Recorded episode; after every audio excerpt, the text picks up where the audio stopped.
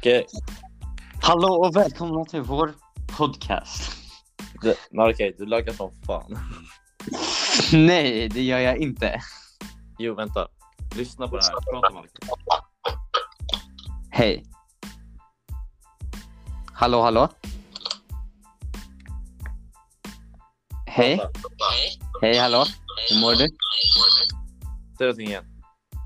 Hej, hur mår du idag då? Ja, nu, nu, nu har jag jag säger. Nu har jag jag säger. Ja, men då så. Perfekt, välkomna till vår podcast. Mm, idag ska vi snacka om framtiden. Ja, specifikt mer om Kenias framtid under eh, klimatförändringarna. Så innan, innan vi går in i och snackar om vad som kommer hända i Kenya med klimatförändringarna så tycker jag det är viktigare att vi först snackar om vad som finns där idag. Och Felix, du får gärna snacka om det. Eh, Kenya, då, det ligger i... Eh, hur fan säger man det? Vänta, nu. De ligger nu. tre olika... Eller om man... eh, Enligt...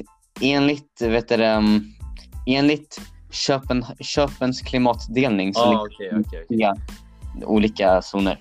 Eller olika delar. Så det finns tre olika delar i Kenya. Ja, de är då CFB som eh, står för tempererat klimat, eh, inga torra säsonger och varm sommar. Som då, det här klimatet ligger då runt Nairobi. Sen även BWH som är ett ökenklimat som är lite varmare. Som är en större del av övre eh, Kenya, nordvästra och nordöstra. Och sen även AW som är då en savann. Eftersom att vi har, eller det, vi har inte jättemycket tid idag så har vi fokuserat om att snacka om Nairobi, vart den mesta befolkningen ligger. För detta är vad vi anser mer relevant. Um, så först, varför är det här temperaturen som det är så här idag? Eh, om du kollar på en, nästan vilken karta som helst ser du att det finns nästan en gul linje vid Kenya, eller vid mitten av Afrika detta är nästan, kan man kan säga, är konsekvensen av att de ligger i ekvatorn. Um, Kenya ligger på ekvatorn och detta gör så att varje år så får de extremt mycket stor solmängd eftersom att ljuset kommer rakt framifrån. Så då sprids det ut över en mer koncentrerad, vet du, met, eller per meter squared finns det mer solljus jämfört med till exempel här i Sverige. Vilket förklarar varför de har så varmt där året runt. Det förklarar även, eller det, detta kallas för insolation, att eh, på grund av att Kenya ligger på ekvatorn är den närmare solen, vilket gör att den får då, som Malakai sa, mer eh, värme och solljus. Mm, Sen så,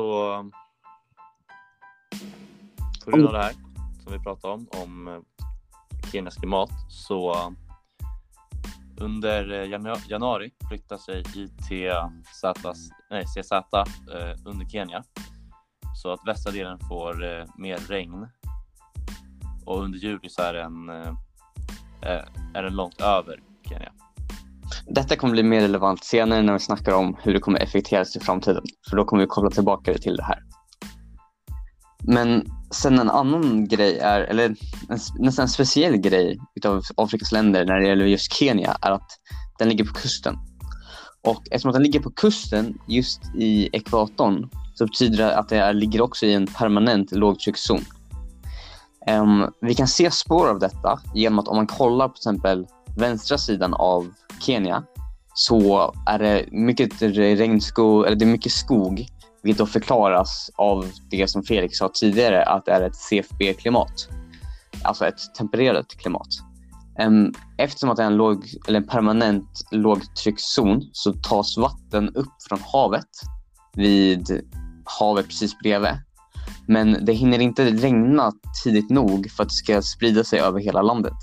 Och det börjar regna ungefär vid Nairobi. Detta, är varför det, varför, detta förklarar varför det är så mycket grönare där och att det är en tempererad zon jämfört med resten av landet. Ja, och varför det blir eh, ökenklimat, sånt i, eller savann som till exempel AW eller BWH. Eh, då det inte regnar lika mycket där. Exakt. Sen då konsekvenser som Kenya kan få av global uppvärmning. Eh, ett exempel är extremt väder. Då kraftigt regn när det blir varmare. Eh, det kan vara kraftigt regn när det blir varmare. Då mer vatten kon,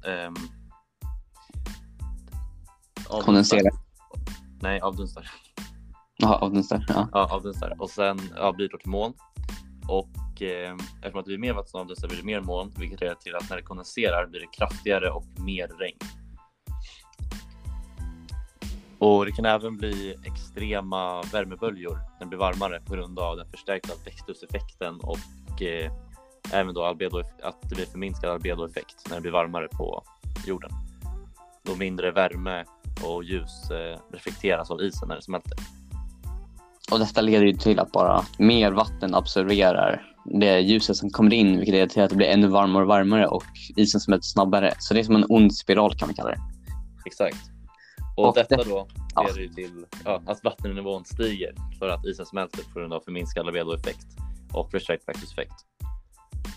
Och eftersom att mm, Kenya är ett land som är precis bredvid kusten kommer de speciellt bli påverkade eftersom att de är mycket närmare än vad andra länder är och eftersom att det inte är så stor höjdskillnad mellan landet och havet. Yes. Sen så Minskad frost. det är minskad eh, frost också i eh, högre områden som eh, leder till en längre växtperiod för växter. Det är ju då det är dock en pos- positiv konsekvens. Det blir eh, lite lättare att odla på vissa områden. Yes, yes. Nu har vi typ snackat om allt scientific. Ja, nu ska vi bara ta upp eh, då de här problemen med konsekvenserna som ek- ekonomiskt, socialt och sen även eh, lösningar på vad man kan göra för att fixa det här.